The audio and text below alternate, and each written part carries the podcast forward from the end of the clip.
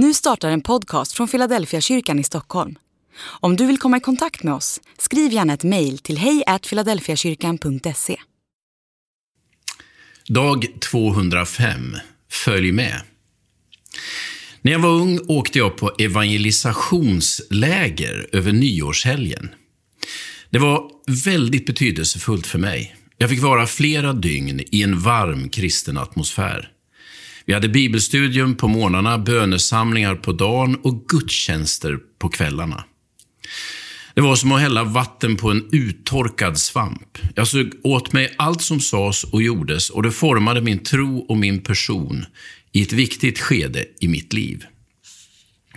Vi var också ute och sjöng på ålderdomshem, besökte ungdomsgårdar och knackade dörr.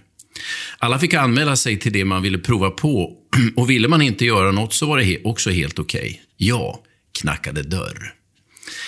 Vi hade med oss några tidningar som vi delade ut och så bjöd vi in till gudstjänsterna på kvällarna. Vad jag vet kom ingen av alla de vi knackade på hos till någon gudstjänst. Men jag lärde mig mycket av att prata med folk och höra vad de frågar efter. Andreas tar med sin bror till Jesus och Filippos försöker få med sin kompis Natanael. De två första lärjungarna får hjälp av Johannes döparen som de förmodligen kände väl och hade umgåtts mycket med. Kristen tro förmedlas bäst i nära relationer.